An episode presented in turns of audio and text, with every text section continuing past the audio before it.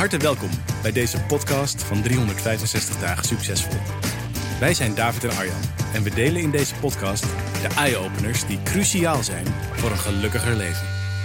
Ja, daar zit hij weer tegenover mij, dames en heren. David de Kok, want je luistert naar deze nieuwe 365 dagen succesvol podcast. Ik ben Arjan. En wat zullen we doen, Dave?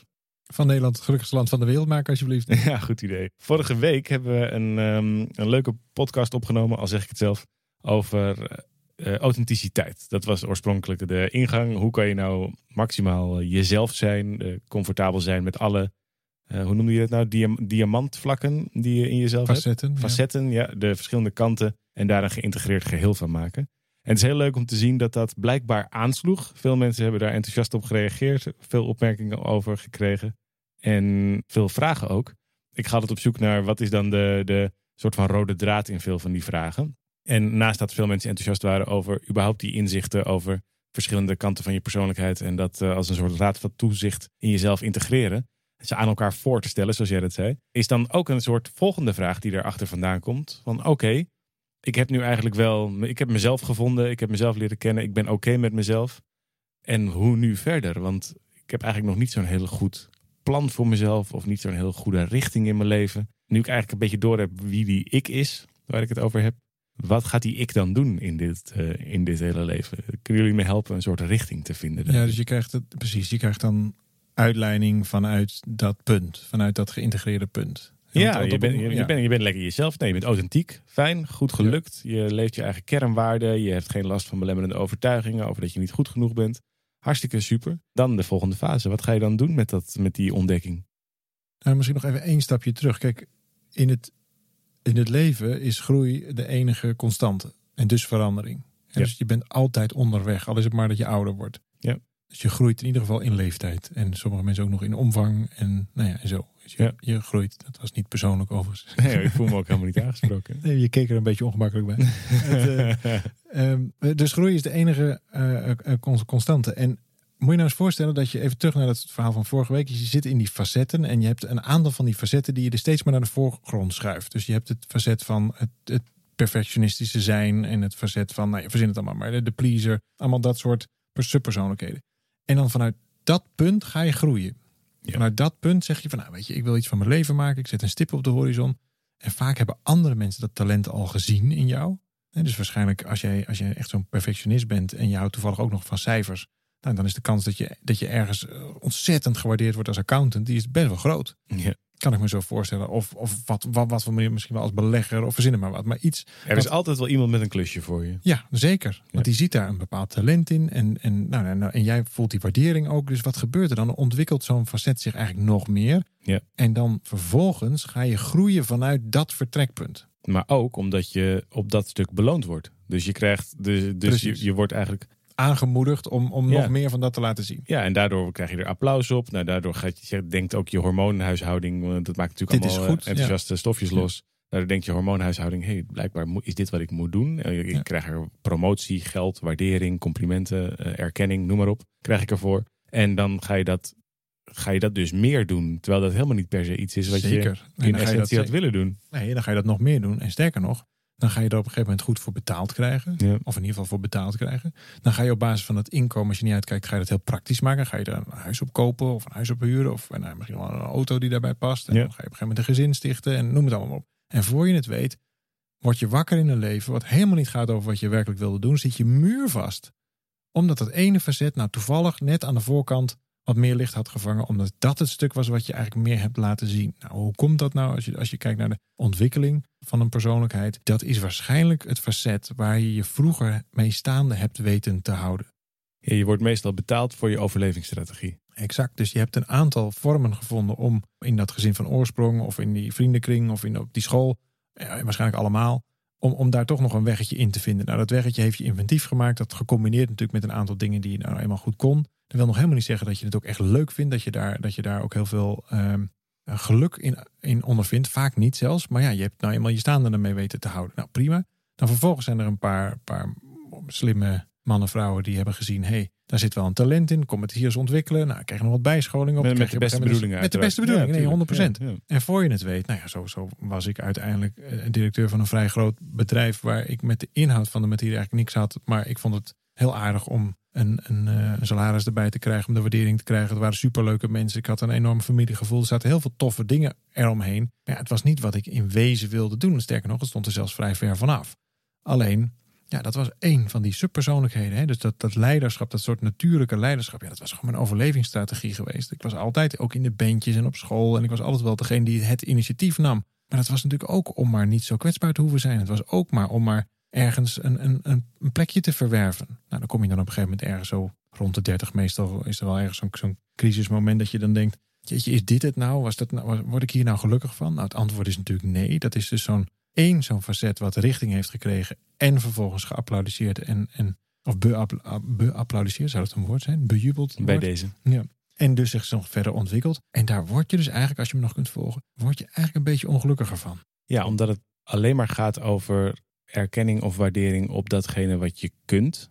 En niet per se op datgene wat je ook belangrijk vindt. En dat is natuurlijk niet helemaal hetzelfde. Ja, of wie je wil zijn. Waarschijnlijk zelfs wil je dat helemaal niet zo zijn. Ja, Dus ook een van de overlevingsstrategieën die ik vaak heb gekozen is het, het, het zoeken van het licht. En dus bijzonder willen zijn. Of eh, een- dus, dat- jij zal het ook herkennen. Jij zat vroeger al in het schoolcabaret. Ja. Ehm, ik, ik deed, deed vergelijkbare dingen, maar dan meer in de muziek. Het was altijd wel, wel zorgen dat ik dan op de een of andere manier nog ergens dan nog een beetje opviel. Maar dat, dat zat natuurlijk achter. Dat ik eigenlijk mezelf gewoon nou ja, nog niet eens de moeite waard vond om gewoon ergens van te kunnen genieten. Want het Ja. moest toch op zijn minst bijzonder zijn. Ja. Als ik in de zaal zit, ja, dan ben ik minder bijzonder dan op zo'n podium. Dus ja, dan maar op zo'n podium. ja, het is zwaarder om in de zaal te zitten. Ja, dus je, precies. Dus je voelt eigenlijk daar ook, het is ook treurig. Dus daar voel je ook een bepaalde zwaarte omheen. Terwijl we dit zo hier zo benoemen, denk ik. En dat is, daar word je in ieder geval niet gelukkig van. Zelfs niet van op dat podium staan. Want dan is het in ieder geval, nou ja, niet zo erg geweest als in de zaal. Dan is het, en, en ik zal je nog sterker vertellen, het is nooit groot genoeg. Het, is, het applaus is nooit hard genoeg. De zaal is nooit groot genoeg. Het is uiteindelijk een wedstrijd die je nooit zult winnen. En dus hielp het volgens mij heel erg. We hebben op een gegeven moment de, de, de zin opgeschreven, weet ik nog wel, toen we met eh, ons eerste gezamenlijke boek bezig waren. Toen schreven we de zin op. Als je geen plan hebt voor jezelf, dan word je automatisch onderdeel van het plan van iemand anders. Ja, dat kan niet anders, omdat je ergens toch ja, je, je bestaan te, te, in je bestaan te voorzien hebt. Ja, En dus het is heel erg logisch. Als je nog niet echt een plan hebt voor jezelf, ja, dan word je gewoon daar waar je goed in bent. Dan, dan kijk je nog eens naar je cijferlijst en dan, nou ja, dit kan ik wel aardig. Nou, dan zal dit wel mijn beroepskeuze worden, bijvoorbeeld. Heb je dan echt zelf nagedacht, wat wil ik? Nee. Nee, en ik denk dus dat veel van ook de. Nou ja, misschien herken je dat bij jezelf als je hier naar zit te luisteren of bij mensen om je heen. Maar ik denk ook dat je het zelfs groter zou kunnen zien. En dat veel maatschappelijke problemen, dus dat gaat bijvoorbeeld over burn-out. eh, maar dat gaat ook over dat mensen zo eh, veel prikkels nodig hebben achter een scherm. Omdat ze zich anders misschien vervelen of eh, op andere manieren bezig gehouden moeten worden. Dat veel daarvan komt doordat je niet je werkelijke, nou ja, zielenmissie is niet een woord wat ik heel graag gebruik, omdat ik zelf eigenlijk niet zo goed snap wat het betekent, maar ik heb er wel gevoel bij. Niet je persoonlijke waarom leeft, of niet je persoonlijke reden van bestaan kunt leven, maar omdat je vooral bezig bent met het eh, doen waarvan je denkt dat het van je wordt verwacht. En daardoor, komt, daardoor zwem je dus bij jezelf vandaan, zwem je bij je eigen ehm, nou ja, bestaansbetekenis vandaan. En ontstaat er dus volgens mij heel veel frustratie, leegte, het gebrek aan zinloosheid, maar ook het gebrek aan dat het nooit goed genoeg is, veel te hard werk, nou, alles en nog wat. Wat allemaal samenkomt uit het idee dat je iets doet wat eigenlijk niet gaat over jou, maar vooral over de, de plek die je nou eenmaal bijna per ongeluk eh, hebt ingenomen. Ja, het is echt een manier om je staande te houden. Dus ook, ook het, nou, het, zoek- het zoeken van, een, van bijzonder zijn of het podium zoeken zoals wij dat hebben gedaan. Het is ook een manier van overleven. En het interessante is, daar schuilt ook een talent in. Dus je hoeft het ook helemaal niet weg te maken. Sterker nog, wij doen het nog steeds. Ja. Alleen er is een groot verschil of je dat doet om iets te voorkomen. Of om, om je dus staande te houden. Lees daar niet op afgewezen te worden. Of in ieder geval het idee te hebben dat je daartoe doet. Of dat je dat doet omdat je dat nou eenmaal aardig kunt. Kijk, als je iets maar vaak genoeg oefent, kun je het vanzelf steeds beter. Als je je 10.000 uur hebt gemaakt, dan ben je vanzelf goed genoeg om je daar staande in te houden. Alleen het wordt pas wat voor jouzelf als het vanuit die geïntegreerde persoonlijkheid komt. Zijn we dan minder op een podium gaan staan? Ben ik mi- minder muziek gaan maken? Is het dan minder bijzonder geworden? Absoluut niet. Alleen het doet er niet meer toe vanuit dat stuk. Het is een middel geworden om iets heel anders te, in te zetten. En dat is zo sterk aan. Je hoeft ook helemaal niet van dat talent af wat je hebt ontwikkeld. Je hoeft helemaal niet van die persoonlijkheid af. Alleen als, als je hem integreert, komt er waarschijnlijk een heel eigen idee uit. Nou, en als je integreert, als je dus een visie maakt, een toekomst maakt, een, een plan maakt, zo je wilt, vanuit het midden van die diamant, vanuit die geïntegreerde persoonlijkheid, dus al die facetten krijgen daar een stukje in, het mag er allemaal zijn, dan ga je een heel andere richting op. Je, je zou kunnen, kunnen zeggen dat uh, als je het als gebieden voor je ziet, een soort van, uh, om het wat, nog, wat, nog wat simpeler te maken, als een soort uh, diagrammetje, twee van die bollen voor je. Het ene gebied gaat over je talent, het, het maximaal leven van je competenties. Nou, dat is vaak dus wat we net ontdekten, zo'n doorvertaling van je overlevingsstrategie. En veel mensen, merk je ook om je heen, die maken daar hun carrière op bijvoorbeeld. Of kiezen op basis daarvan zelfs hun relatie. Uh, omdat dat een bepaald stuk van ze, van ze laat zien, wat verder niet geïntegreerd is met wie ze in essentie zijn, maar vooral met waar ze zich staande mee konden houden. Ja, het geeft wel de zekerheid, maar niet het geluk. Exact. En dan is er nog een tweede gebied, en dat is het gebied, wij noemen dat passie in onze, in, in onze methodiek. Dat is een beetje een, een platgetreden woord natuurlijk, het, maar in de oorspronkelijke betekenis gaat het ook over de lijdensweg uh, in het verhaal van uh, Jezus, die ze eigenlijk kruis de, de berg op moest zeulen. Ja, de Passion of the Christ, of de Matthäus Passion, daar zit het ook in. Ja, en het is natuurlijk een beetje zo'n woord wat, uh, wat, wat een soort van leuke dingen doen is gaan betekenen. Terwijl eigenlijk gaat het daar helemaal niet over, maar veel meer over iets doen wat ten diepste voor jezelf van betekenis is. Ja, zo van betekenis dat je bereid bent om ervoor te lijden. Misschien zelfs wel bereid bent voor te sterven. Ja, en, en, dus ook bereid bent om voor te lijden met die andere ei, denk ik. Dus ook bereid ja, voor bent... te leven. Dat je bereid ja. bent om ervoor te leven. Ja, ja zeker. En, want dan pas ook... krijgt het zin. Als je bereid bent om er zelfs dat tot je dood te dragen, of dat zo te doen, desnoods kost het je je eigen leven, dan weet je dat het dus ook dat je de bereidheid hebt om het inderdaad te lijden met die andere ei. Want dan, dan krijgt het eigenlijk pas zin. Nou, dat is een stuk wat voor heel veel mensen heel ver weg is. Maar hoe komt dat? Omdat dat in ons onderwijssysteem en ook in ons opvoedsysteem geen enkele plek van betekenis heeft. Nee, terwijl daar zit wel het vuur. Want dat zit het mooie van dat gebied, vind ik, omdat het zo uh, echt is. Omdat het eigenlijk zo doorgaat over nou ja, dat geïntegreerde geheel van, uh, van uh, kanten van de diamant. Persoonlijkheid wat je nou eenmaal bent. Daar zit jouw innerlijke vuur, je innerlijke bron aan energie, aan creativiteit, aan, aan wat je maar te geven hebt aan de wereld. Dat zit daar.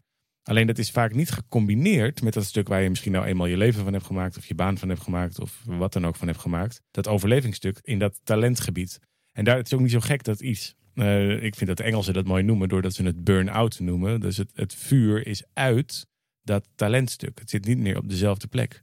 En wil dat dan zeggen dat je niet met dat talent aan de slag moet, of dat je daar niet.